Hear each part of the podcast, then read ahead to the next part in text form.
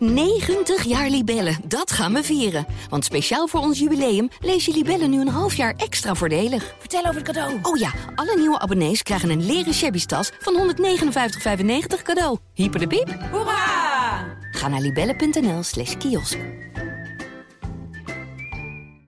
Ik denk wel dat er maatregelen moeten worden genomen, eh Orno. Bijvoorbeeld eh, eh, als je kijkt naar advocatenkantoren die vijf leden van één criminele organisatie bijstaan. Dat is natuurlijk, dan komt je onafhankelijkheid wel heel erg in het geding. Hè? Je kent niet wat de onderlinge verhoudingen tussen die mensen zijn, of ze bepaalde opdrachten hebben gekregen van de leider van zo'n organisatie.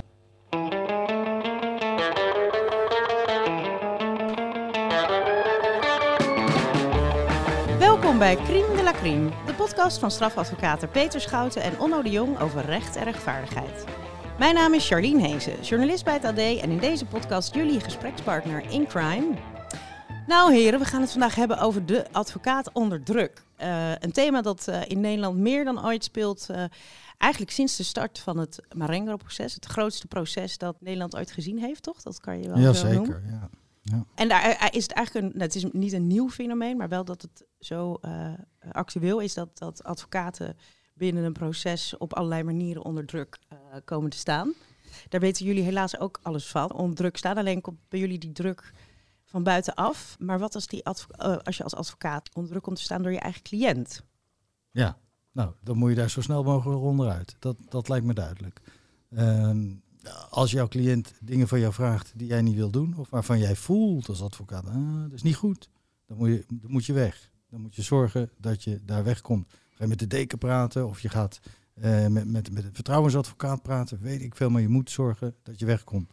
Ja. dat is makkelijker gezegd dan gedaan natuurlijk, Ja. Orno. Want als het een hele zware bedreiging wordt. Het is soms zo, ik, ik, toen ik eh, net met Marengo was begonnen, jij was er toen ook eh, al, al bij, ben ik wel eh, geschrokken. Toen er op een gegeven moment kwam er een proces verbaal van het Openbaar Ministerie. Waarin dan de beschuldiging werd geuit tegen een groot aantal advocaten dat ze zouden hebben gelekt eh, tijdens de beperkingen. Hè? Dus Mhm. als je eigenlijk niets naar buiten mag brengen en ook niets naar die eh, verdachte van buiten toe mag gaan. En daar schrok ik enorm van. En toen dacht ik later van ja, dat bleef eigenlijk heel weinig van, van over. Hè? Ja, maar je, moet, je moet niet, niet vergeten, er bleef, er bleef bijna niets van Nee. over. Maar je moet ook niet vergeten, het ging niet om berichten van advocaten toen. Hè. Het ging natuurlijk alleen maar om Ja. berichten van de mensen om de advocaten heen en om de cliënten heen. Ja. Vooral om de cliënten heen, om de verdachten heen dus. Die aan het praten waren over wat ze met hun advocaat bespraken, welke informatie ze zouden willen hebben. Maar Laat Geen jij, die, laat, jij die advo, laat jij die advo even dit of dat eh, Ja. doen. ja, En dan, dan moet natuurlijk niet worden aangenomen dat eh, zo'n advocaat zich op die manier onder druk eh, laat zetten. Maar ja, als je dat de mensen die dat hebben gelezen in de media bijvoorbeeld, die zullen wel weer een beeld hebben gekregen van kijk eens in die advocatuur dat ze van alles en nog wat lekken. Maar de druk zelf, het is natuurlijk makkelijk gezegd. Het is natuurlijk moeilijker om er weerstand aan te bieden als het hele ernstige druk is. Stel bijvoorbeeld, je zou van binnenuit hè, door je cliënt bedreigd worden. Hè, dat, eh, of gestolkt. Dat is natuurlijk eh, ja. lastig. En dan moet je wel inderdaad heel snel een beslissing nemen Ja. om eh, afscheid te nemen van diegene. Ja. Kijk, je kunt, je kunt er natuurlijk altijd nog. Zo, zo zou ik het tenminste doen, hè, denk ik. Ik denk dat ik dan in ieder geval één keer met die cliënt zou gaan praten. Zeggen, jongen, hou daarmee op. Stop daarmee. Zeg nu tegen mij dat je dat allemaal niet gaat doen. En eh, dat, dat je daarmee ophoudt. Dan kunnen wij door. Maar anders, eh, dan, dan ga ik ermee stoppen. En dan ga je gewoon naar de deken, ga je praten hoe, hoe, hoe je eruit kunt. En dan is er ook geen sprake meer van dat jij nog eh, adequate rechtsbijstand kunt verlenen op zo'n moment natuurlijk. Als je zelf onder druk staat. Hè? Ja, en als je dat dan hebt gedaan, Onno, het is ook goed om dat dan als advocaat schriftelijk te doen, hè, want wie schrijft, die blijft. Dus het is altijd wel belangrijk om een, eh, een goed dossier ook dan aan te leggen. Maar als dat dan gebeurt, ik heb wel meegemaakt dat diegene dan doorging zelfs daarna nog. Hè, en, en dat het ook uiteindelijk, eh, heb ik toen aan de deken gevraagd of ik aangifte tegen diegene mocht doen. Omdat ook, eh, ja, als mijn vriendin Ja. opeens 's s'nachts aankwam, dat hij daar dan weer stond. Ja, maar dan, dan praat je echt over een bedreiging. Hè? Dus, Ja. dus dat, dat jij dan als advocaat bedreigd wordt door, Ja. door jouw cliënt. Nou, maar dus dat, Het druk, is- dat ging om druk, hè, Onno. Dus Ja, hij, hij, hij wilde iets van mij. Hè, dus, ja, eh, oké. Dus eh, hij wilde dat druk. jij iets deed. Ja. Druk gaat Ja. meestal gepaard dan eh, eh, met bedreiging eh, tot iets, toch? Neem ik aan. Ja, in, in, in, in de meeste gevallen waarin je praat over uh, cliënten die niet volledig uh, ontoerekeningsvatbaar zijn, hè, want dan kan het overal vandaan komen, gaat het meestal om dat ze iets van je willen. Ja. ja. Maar in Merengo natuurlijk, Orno, is het ook wel, uh, ja, zijn is er eigenlijk veel uh, aandacht gekomen voor deze kwestie. Omdat je natuurlijk ook kreeg op een gegeven moment de situatie Youssef Taghi, de, de neef ja. Uh, van de hoofdverdachte. Uh, dat was wel een aparte procedure. Dat zat niet in Marengo zelf, maar had natuurlijk te maken met de hoofdverdachte. Nou, daar is ook een hele discussie geweest van, ja, is dat nou onder druk gebeurd dat hij als boodschappenjongen functioneerde? Hè, of is dat uh, om een andere reden geweest? En daarna hebben we natuurlijk, en hij is dan mm. veroordeeld hè, tot vijf en half jaar gevangenisstraf. Um, en daarna hebben we natuurlijk de situatie gehad dat uh, meester Ines Wesky uh, werd uh, aangehouden. en eerst in bewaring en, en daarna is gesteld voor 14 dagen en daarna nog 30 dagen. Ja, waarvan ja, want, waar wordt, zij, dan precies, waar wordt zij precies van beschuldigd eigenlijk? Heel kort gezegd van het overbrengen van informatie vanuit het crimineel samenwerkingsverband van haar cliënt naar derden. Dat is eigenlijk heel kort gezegd wat, wat je uit de pers begrijpt, waar zij van verdacht wordt. Maar laten we wel wezen, we hebben daar op dit moment nog geen spat bewijs van gezien, hè? helemaal niets. Nee, klopt. Maar het OM heeft wel ook gezegd dat dat, uh, dat het dan onder dat dat onder druk, dat die situatie onder druk is besta uh, zou zijn ontstaan bij haar, toch? Dat die, uh... ik, ik weet niet of het OM dat zo bevestigd heeft. ik, ik heb het wel gelezen dat het gezegd werd, ja. maar ik, ik heb dat meer in de, in de vorm van, van, van speculatie, van we weten eigenlijk niet wat er is. Dus het zou ook wel eens onder druk gebeurd kunnen zijn. Nou ja, dat zal, dat zal moeten blijken, denk nou ja, ik. Er wordt heel veel gespeculeerd ja. natuurlijk, omdat het uh, de grootste zaak van uh, Nederland is. Uh, ik, over het algemeen zie je toch wel, vind ik, dat over de jaren heen er weinig te doen was om advocaten die bijvoorbeeld onder druk zijn overgegaan tot datgene te doen voor een uh, verdachte wat hij wil. Hè? Ja, ik ken ik, heel ik weinig zou, Ik zou, ik zou niet zo gauw een voorbeeld weten nog van, van, van een andere advocaat wie dat, die dat is overkomen. Maar ik kan me wel voorstellen dat het gebeurt. Maar ik kan me ook voorstellen, Peter, dat als, als zoiets gebeurt en zo'n advocaat onder druk staat, dat hij heel terughoudend zal zijn om daarmee naar buiten te komen. Uh, hij kent de consequenties niet. Misschien schaamt hij zich er wel voor. Van ja, Jezus, wat ben ik een slappeling dat ik uh, me, me, dit laat zeggen of laat doen of, of wat dan maar ook. Maar ik denk dus dat er, dat er misschien wel veel meer gevallen zijn, maar dat we die gewoon niet kennen. Ja, want de spagaat voor, um, uh, voor een advocaat is dat je uh, nou ja, natuurlijk niet je eigen cliënt wil afvallen of verraden.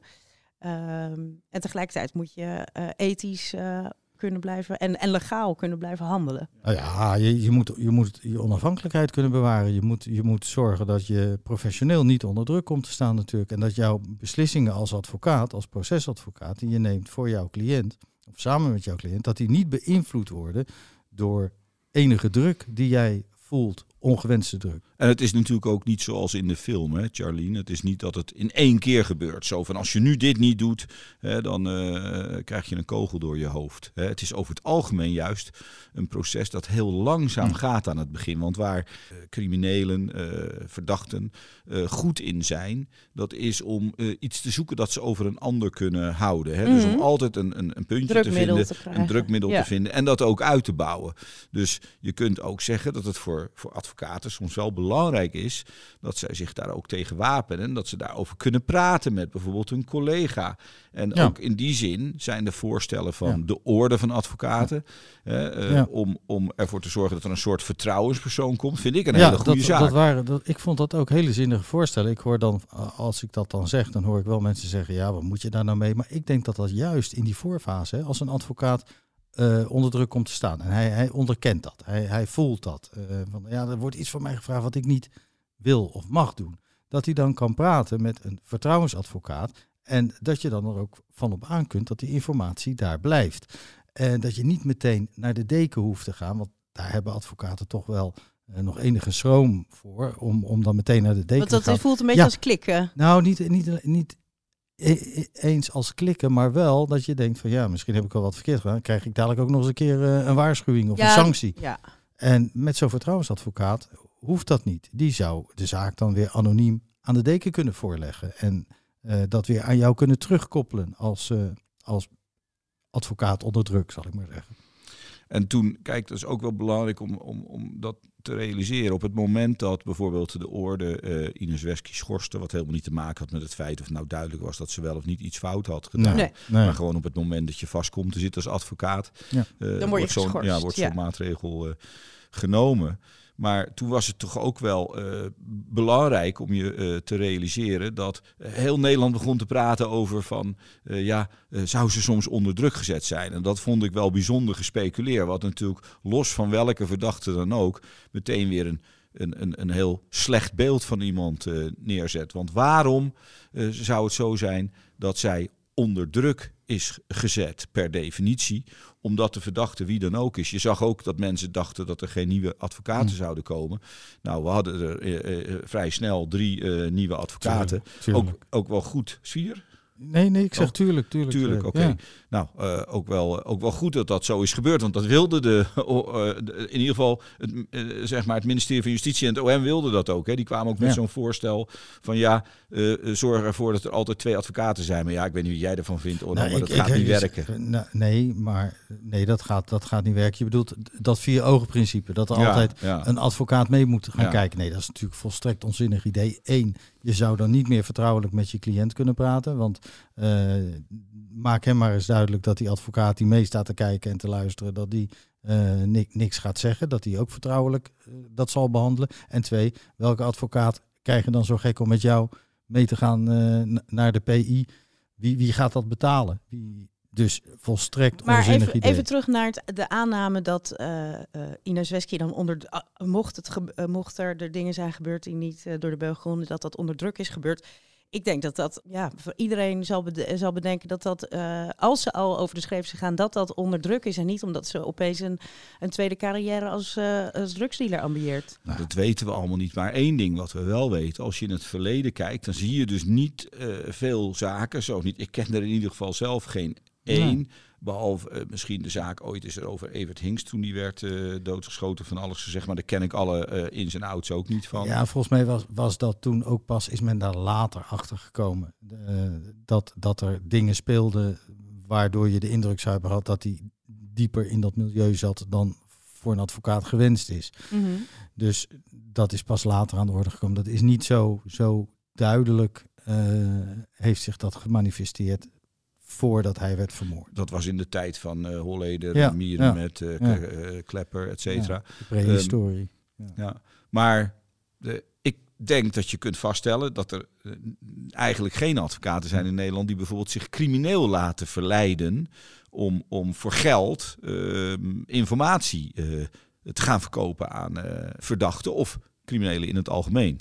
Daar hoor je toch heel weinig over. Terwijl je best wel kunt aannemen dat als ze dat zouden doen, dat ze door de man vallen. Zeker, en dat is wel, wel interessant dat je dat zegt, want eh, dat zie je dus in, het, in de kring daarbuiten. Denk bijvoorbeeld aan eh, ambtenaren op een gemeentehuis die, die eh, zich laten betalen om een vals paspoort te maken. Hè, waar we recentelijk een paar gevallen van hebben gehad. Eh, daar is dat dus wel zo. Corruptie onder politieambtenaren. Ja, bijvoorbeeld. Dus dan denk ik, zou het dan toch komen omdat advocaten misschien net wat meer nadenken en weten hoe gevaarlijk dingen Oh, kunnen zijn. slimmer zijn. Dus jij zegt feitelijk van. eh, nou Nee, ja, dat zeg ik niet eens slimmer zijn, maar, maar dat we daar wat bewuster mee bezig zijn. Ja, beter opletten Ja. van als, Ja. als, als we dat doen, dan lopen we eh, Extra gevaar. tegen de lampen. Ja, maar in theorie zou iemand die bij de politie werkt weten ook wat voor narigheid ervan Ja, Ja, zeker. heb je gelijk. ik wel weet- je zou ook eh, beter ja. moeten eens, weten. ja. Als je dan... eh, Ja. Maar ja, misschien bij de politie eh, eh, worden ze niet goed genoeg eh, betaald. Dat ze sneller de neiging hebben om, eh, om wat bij te verdienen. Ja, maar vergeleken bij wat, een, eh, wat de Pablo Escobars van deze wereld verdienen, verdienen jullie ook niks. Maar Ja. ook dat is Dus kan altijd, je kan altijd laat beter dat en meer.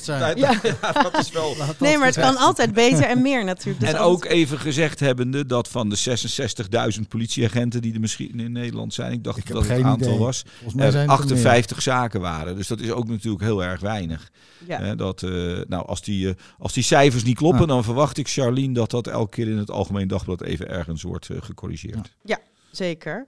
Maar nou, oké, hoe vaak denk je, ja, dat is, dat is natuurlijk puur speculatief hoe vaak het voorkomt. Maar denk je dat dat vaker is dan je denkt? Of denk je dat het uiteindelijk dus echt wel meevalt? Nee, ik denk, je bedoelt dat advocaten onder druk komen te staan? Ja. Dat bedoel je? Door een eigen Ik- cliënt dan? Ik denk, ik denk dat het vaker is dan we weten. Want nogmaals, je, je advocaten zullen heel terughoudend zijn om dat te melden. Mhm. Dus het, het zal vaker gebeuren dan, dan je denkt. Eh, wat niet wil zeggen dat het altijd tot ellende leidt. Hè. Het kan heel goed dat advocaten dat zelf in de dat merk in, in de gaten hebben en vervolgens daar een oplossing voor, voor eh, weten te vinden. Ik denk wel dat er maatregelen moeten worden genomen, eh Orno. Bijvoorbeeld eh, als je kijkt naar eh, advocatenkantoren die vijf leden van één eh, criminele organisatie bijstaan. Dat Ja. is natuurlijk, dan komt je onafhankelijkheid wel heel erg in het geding. Hè? Je kent Dat, niet wat de onderlinge verhoudingen tussen die mensen zijn. Of ze bepaalde opdrachten hebben gekregen van de leider van zo'n organisatie. Want bijvoorbeeld in het Marengo-proces het geval? Daar is wel sprake van geweest. En de, de, de dekens hebben, zoals ik heb begrepen, van een Ja. tweetal eh, arrondissementen hadden toen gezegd van eh, jullie moeten een aantal van die eh, cliënten afstoten. Maar wat vind jij daar nee, dan van? Nee, die- ik, ik, ik, ik ben het daar niet mee eens. Ik, ik, ehm, ik onderken dat daar problemen uit zouden kunnen voortkomen, maar het hoeft niet. We hebben daar ook nog helemaal geen voorbeelden van gezien. En ik weet dat op mijn kantoor, mijn, mijn, mijn vorige kantoor, is het ook wel eens voorgekomen dat we van in, in een grote drukzaak bijvoorbeeld drie verdachten bij stonden van dezelfde criminele organisatie. Maar dat heeft nooit tot problemen geleid. Dat hoeft ook helemaal niet.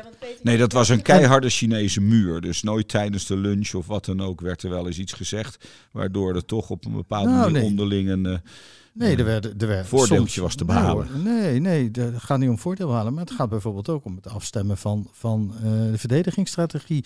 Het, het, eh, het horen van getuigen. Wie ga je wel horen, wie ga je niet horen? Hoe zorg je dat, dat je elkaar niet overlapt? Eh, dus je kunt. maar je dat kunt mag ook met de andere afstemmen van de Ja, verdedigingsstrategie. natuurlijk. mag zelfs met een advocaat van een medeverdachte. Ja. Ja, Ja, Ja, maar is niet het maar, punt, jij, maar maar- jij ziet het wel als een, een gevaar om voor advocaten om onder druk te komen staan of om eh, ja, niet juist handelen. eh, dat het niet juist handelen in de, eh, in de hand werkt als je dus als kantoor meerdere personen uit eh, één criminele organisatie Ja, bijstaat. ik vind beter dat dat eh, niet gebeurt. En natuurlijk is er vrije advocaatkeuze. Dus het is best wel eh, eh, eh, hard als ik dit Nou. zeg. En er zullen heel veel collega's over mij heen eh Maar wat vallen. is het gevaar daarvan dan? Nou, dus dat er inderdaad onderling allerlei informatie eh, wordt eh, uitgewisseld. Dat verdachten zelf in een hiërarchische verhouding staan eh, die eh, ja, niet eh, leidt tot bijvoorbeeld datgene wat ze zelf zouden willen zeggen, verklaren, uiten of doen omdat ze als het ware gehandeld worden op die manier. Ja, maar dat, Dat vind ik het risico. Helemaal, dat hoeft helemaal niet. Dan ben je daar zelf als advocaat ook bij om te zorgen dat jouw cliënt niet gehandeld wordt natuurlijk.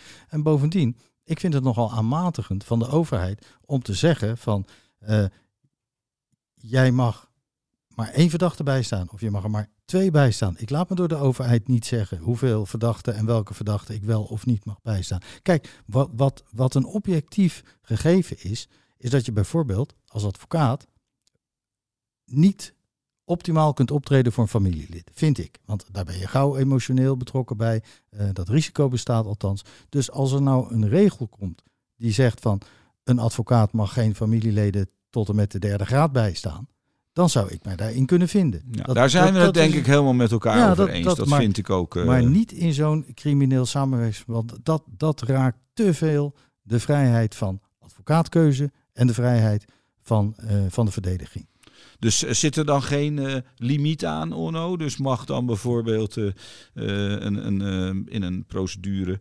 mogen dan tien leden van hetzelfde criminele samenwerkingsverband... door hetzelfde kantoor worden bijgestaan, Ja, wat jou betreft? Ik, ik zie daar objectief gezien geen beletselen voor. Tenzij er natuurlijk sprake is van tegenstrijdige belangen. Op het moment dat, dat die er zijn, of dat een van die advocaten uit, uit dat verdedigingsteam, zal ik maar zeggen, dat die, dat die bemerkt dat er eh, tegenstrijdige belangen zijn, dan, moet dan moet dat stoppen.